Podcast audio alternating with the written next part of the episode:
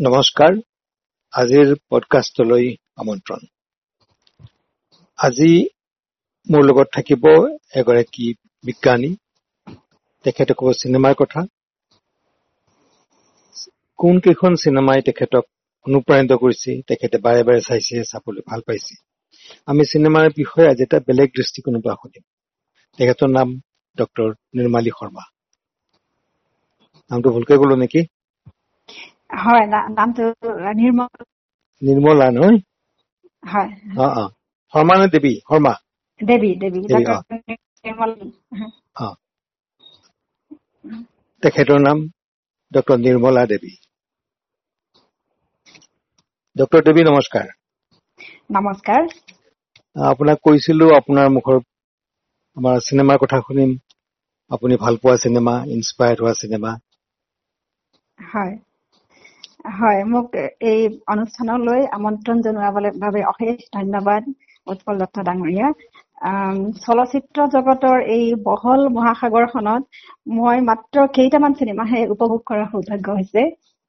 তাৰ ভিতৰতো বিশেষকে মোৰ মোৰ প্ৰিয় চিনেমা মানে চলচ্চিত্ৰবোৰৰ ভিতৰত হৈছে কিছুমান অনুপ্ৰেৰণাদায়ী চলচ্চিত্ৰ আৰু লগতে কমেডি অৰ্থাৎ হাস্যৰসপূৰ্ণ। কিছুমান চলচ্চিত্ৰত এই দুইটাই পোৱা যায় আৰু সেইবোৰ চলচ্চিত্ৰ মোৰ হ'ল আটাইতকৈ প্ৰিয়তম চলচ্চিত্ৰ। গতিকে ঠিক তেনেধৰণৰ কিছুমান চিনেমাৰ বিষয়ে কম বুলি ভাবিছো। যিবোৰে মোক মানে আপুনি কোৱাৰ দৰে যিবোৰ মই বাৰে বাৰে চাবলৈ ভাল পাওঁ বা বাৰে বাৰে চাই আমনি নাপাওঁ তেনে কিছুমান হৈছে তাৰে এখন হৈছে চিটি স্লিকাৰ এই চিনেমাখনৰ আপোনাৰ নিৰ্মিত হৈছিল কমেডি চিনেমা। এইটো নিৰ্মিত হৈছিল ঊনৈছশ একানব্বৈ চনত। এখন এইখনকে বিশ্বৰ এখন সৰ্বকালৰ সৰ্বশ্ৰেষ্ঠ হাস্যৰসিক চিনেমা হিচাপে খ্যাতিপ্ৰাপ্ত। তাৰমানে বিশ্বৰ এশখন হাস্যৰসিক চিনেমাৰ ভিতৰত এখন। আহ, ৰন আণ্ডাৰুডে পৰিচালনা কৰিছিল ছবিখন। আৰু ইয়াত জেক পেলেন্সে অভিনেতা জেক পেলেন্সে ঊনৈছশ একানব্বৈ চনৰ একাডেমী পুৰস্কাৰ লাভ কৰিছিল। তেওঁৰ তেওঁ কৰা অভিনয়ৰ বাবে আৰু তাত তেওঁৰ অভিনয় আছিল সহযোগী অভিনেতা হিচাপে। ইয়াৰ আগতেও জেক পেলেন্স কিন্তু দুবাৰমান একাডেমীৰ কাৰণে মনোনয়ন লাভ কৰিছিল। কিন্তু এইখনতহে তেওঁ মানে তেতিয়া তেওঁৰ বয়স হৈছিল তেসত্তৰ বছৰ। তেসত্তৰ বছৰ বয়সত তেওঁ একাডেমী পুৰস্কাৰ লাভ কৰিছিল। ওখ বে- জেক পেলেন্সক দেখিয়ে ইমান ভাল লাগে যে তেওঁৰ অস্কাৰ ভাষণো মই শুনিছো বহুবাৰ এতিয়াও শুনো যে তেওঁৰ অস্কাৰ ভাষণ দুই মিনিট জোৰা। অতি চুটি অস্কাৰ ভাষণত তেওঁ ইমান ধুনীয়াকে মানুহক হহুৱাই আৰু কয় যে তেওঁ লগে লগে মানে ডাইৰেক্টৰ বা চিনেমা নিৰ্মাতাসকলৰ বয়স বৃদ্ধি হোৱাৰ লগে লগে যেনেকে কৰিব পাৰিব জানো তেওঁ? এইখিনি এক্টিং তেওঁ কৰিব পাৰিব নে নোৱাৰিব? এনেধৰণৰ যি সন্দেহ থাকে সেই সন্দেহক মানে তেওঁ আঁতৰোৱাৰ কাৰণে তেওঁ নিজে পডিয়ামৰ পৰা উঠি গৈ দুবাৰমান পোচাপ কৰি দেখুৱায়। এখন হাতেৰে পোচাপ কৰি দেখুৱায়। খুব ভাল লগা সেই দৃশ্য সেইটোও মই চাই থাকো মাজে মাজে। এতিয়া চিনেমাখনৰ বিষয়ে কৈছো। চিনেমাখন চিটি স্পিকাৰত ভাল লগা কথাটো যি হ'ল যে তাত আহ, কাহিনী ভাগ আৰম্ভ হৈছে ঠিক এনেধৰণে। কাহিনী ভাগ আৰম্ভ হৈছে তিনিজন মধ্যবয়সীয়া সংকটত মানে আঠবয়সীয়া ল'ৰা তিনিজন এক আহ, মধ্যবয়সীয়া সংকটত ভুগি আছিল। এজনে জীৱনৰ একঘেমি একঘেমি জীৱনৰ কাৰণে কিছু এক অৱসাদত ভুগিছিল আৰু এজন আছিল পৰিয়াল ল'ৰা ছোৱালী হোৱা নোহোৱা এনেধৰণৰ এক সংকটত ভুগিছিল। আৰু এই এই বিভিন্ন ধৰণৰ সংকটত ভোগা তেওঁলোকৰ আমনিদায়ক পীড়া এক অনুভৱ কৰিছিল তেওঁলোকে।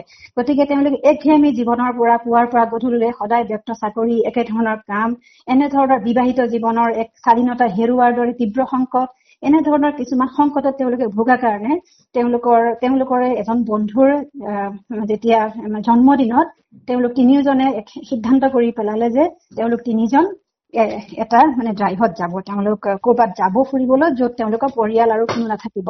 গতিকে তেনে এক ড্ৰাইভত তেওঁলোক যাবৰ বাবে ঠিক কৰিলে ঠিক কৰাৰ পিছত তেওঁলোক তিনিওজন এদিন ওলাল। কেটেল ড্ৰাইভ বুলি কৈছে। তেওঁলোকে সিদ্ধান্ত ললে যে তেওঁলোকে গৰু ৰখীয়াৰ দৰে যাত্ৰা কৰিব। খুব সাধাৰণ গাঁৱলীয়া গৰু ৰখীয়াৰ দৰে তেওঁলোকে যাত্ৰা কৰিব। যে চিনেমাখনৰ আৰম্ভ ঠিক তেনেদৰে আৰম্ভ হৈছে। আৰু সমগ্ৰ যাত্ৰাত তেওঁলোক যেতিয়া যায় সমগ্ৰ যাত্ৰাৰ লিডাৰ আছিল মানে নেতৃত্ব বহন কৰিছিল কাৰ্লি জেক পেলেন্স যিজনে একাডেমী পুৰস্কাৰ পায়। জেক পেলেন্সৰ যেতিয়া কাহিনীভাগ তেনেকে আৰম্ভ হৈছে কাহিনীৰ গোটেই তেওঁলোক যেতিয়া যায় গোটেই কেটেল ড্ৰাইভটো মানে গৰু ৰখীয়াৰ যাত্ৰাটো ইমান আমোদজনক প্ৰতিটো মুহূৰ্ততে হাঁহি উঠে আৰু গোটেই হাঁহিৰ মাজতে কিছুমান এনেধৰণৰ জীৱনৰ বিষয়ে এক অনুভৱ জীৱনৰ এক উপলব্ধি প্ৰদান কৰে যে চাই চাই ভাল লাগে। মই বহুতবাৰ ৰিপিট কৰি চাইছো যে ঘোঁৰাত তাৰে এটা এটা কাহিনী কৈছো। ঘোঁৰাত উঠি যাত্ৰা কৰি থাকোতে কাৰ্লি এবাৰ মিত্ৰক সোধে যে তুমি জানানে জীৱনৰ মূল মন্ত্ৰ কি? তেনেকে সোধে। Do you know what the secret of life is মিটছে কয় নাজানো। কিনো বাৰু কওকচোন? তেতিয়া কাৰ্লিয়ে কয় এয়া এয়া মানে আঙুলি তৰ্জনী আঙুলি যোনটো আমাৰ তৰ্জনী আঙুলি এনেদৰে উঠাই তেওঁ কয় এয়া বুলি ফোন কৰি দেখুৱাই মিটছে সোধে মানে তোমাৰ আঙুলি নেকি? তেতিয়া কাৰ্লিয়ে কয় নহয় সেই মানে এটা বস্তু এটা বিষয় কেৱল এটাই বস্তু তুমি তাতেই একেটাতে লাগি ধৰা আৰু একোৰে তাৰ বাহিৰে আৰু একোৰে পৃথিৱীত কোনো অৰ্থ নাথাকে। One thing just one thing you stick to date and everything else don't mean মিটছে সোধে খুব ভাল কথা পিছে সেই বস্তুটোনো কি আপুনি কওকচোন?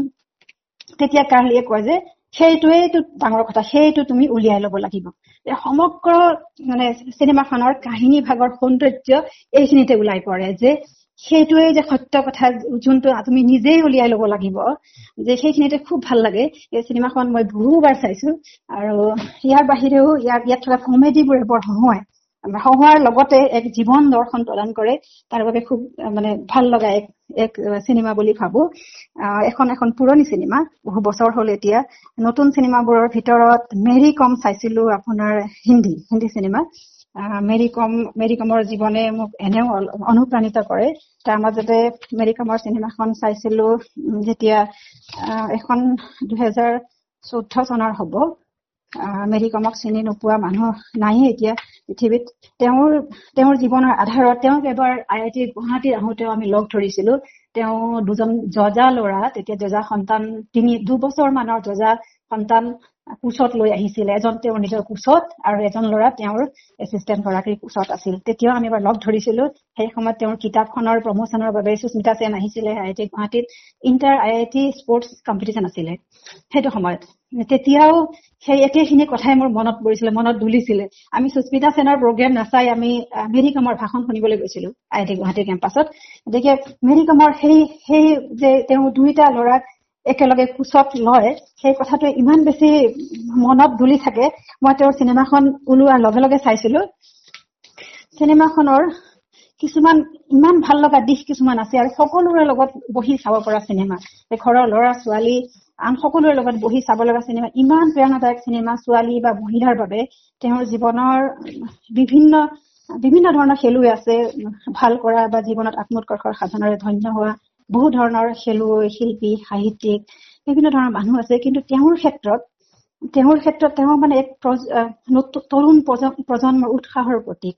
অকল সিমানেই নহয় ছোৱালী মহিলাৰ বাবে এক জীৱন্ত আদৰ্শ।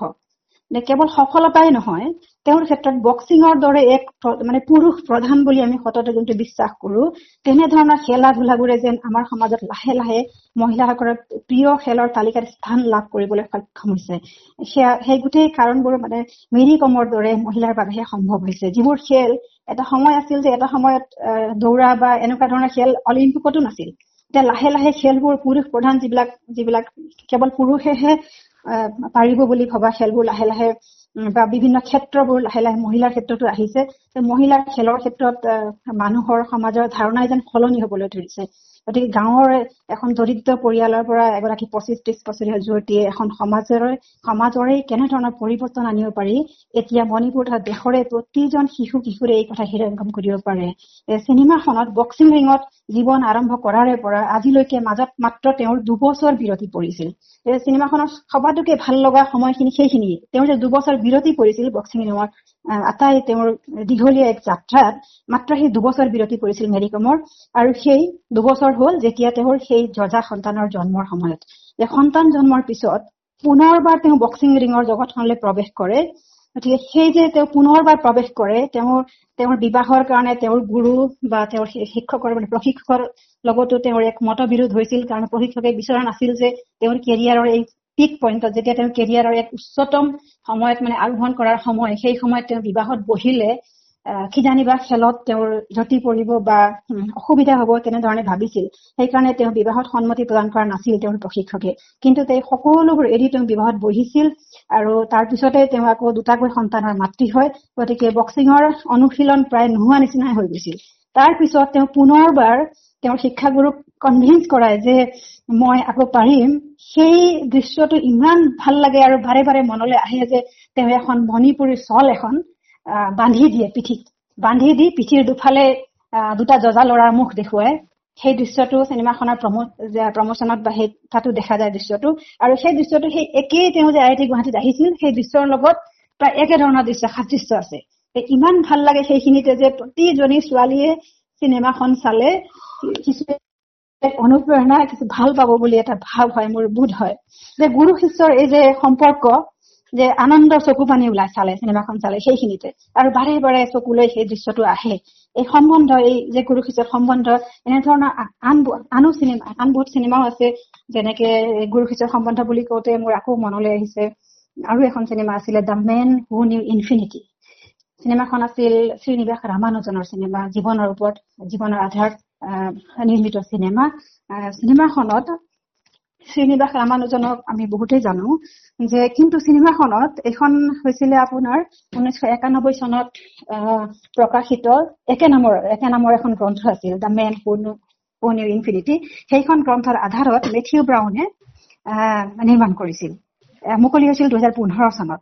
কিন্তু তাত অভিনয় অভিনেতা আছিল দেৱ পাটিল। দেৱ পাটিলে অভিনয় কৰিছে ৰামানুজনৰ ভূমিকাত। সৰহভাগ চিত্ৰগ্ৰহণ কেম্ব্ৰিজৰ ট্ৰিনিটি কলেজৰ চৌহদত। তেওঁ মাদ্ৰাজৰ এটি দুখীয়া পৰিয়ালত জন্মগ্ৰহণ কৰা ৰামানুজনে তেওঁৰ নিজৰ স্বশিক্ষাৰ মহিমাৰে কেম্ব্ৰিজ বিশ্ববিদ্যালয়ত ভৰি দিছিল। কিন্তু তাত তেওঁৰ জীৱন বৰ সহজ নাছিল। যদিও তেওঁ আছিল অসাধাৰণ গণিতজ্ঞ কিন্তু তেওঁ যিবিলাক গণিত বুজাইছিল সেইবোৰ মানুহে বুজিয়ে পোৱা নাছিল। আনকি কেম্ব্ৰিজৰ গণিতজ্ঞসকলেও বুজি পোৱা নাছিল। তেওঁলোকৰ মূৰৰ ওপৰে গুচি গৈছিল। ঠিক সেইখিনি সময়ত তেওঁৰ বাবে বৰ কঠিন আছিল। তেনে সময়ত কেম্ব্ৰিজৰ গণিতজ্ঞ গডফ্ৰে হেৰল্ড হাৰ্ডি যি আছিল তেওঁৰ তত্বাৱধায়ক তেওঁৰ তত্বাৱধান শিক্ষাকৰণ কৰিছিল আৰু তেওঁহে মাত্ৰ চিনাক্ত কৰি উলিয়াইছিল ৰামানুজনৰ প্ৰতিভা। গতিকে ৰামানুজনৰ প্ৰতিভাত মুগ্ধ হাৰ্ডিয়ে ঊনৈছশ চল্লিশ চনত তেওঁৰ বিষয়ে প্ৰবন্ধ এটিও লিখিছিলে। এস্থেটিক্স অফ মেথমেটিক্স মানে হাৰ্ডিৰ বহুতখিনি প্ৰবন্ধৰ ভিতৰত এই প্ৰবন্ধ যোনটো এস্থেটিক্স অফ মেথমেটিক্স অতি বিশ্ববন্ধিত।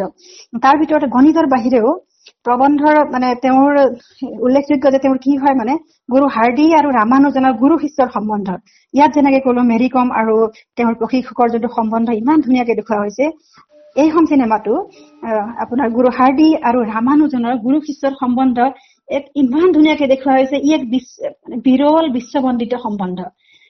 এটা সাক্ষাৎকাৰত এটা সাক্ষাৎকাৰত এবাৰ হাৰ্দিক সোধা হৈছিল যে তেওঁৰ জীৱনৰ সবাতোকৈ শ্ৰেষ্ঠ অৱদান কি? যে তেওঁৰ জীৱনৰ সবাতোকৈ শ্ৰেষ্ঠ আৱিষ্কাৰনো কি? তেতিয়া হাৰ্ডিয়ে নিঃসংকোচে উত্তৰ দিছিল যে ৰামানুজনৰ আৱিষ্কাৰ। মানে ৰামানুজনৰ আৱিষ্কাৰেই তেওঁৰ জীৱনৰ সবাতোকৈ শ্ৰেষ্ঠ আৱিষ্কাৰ।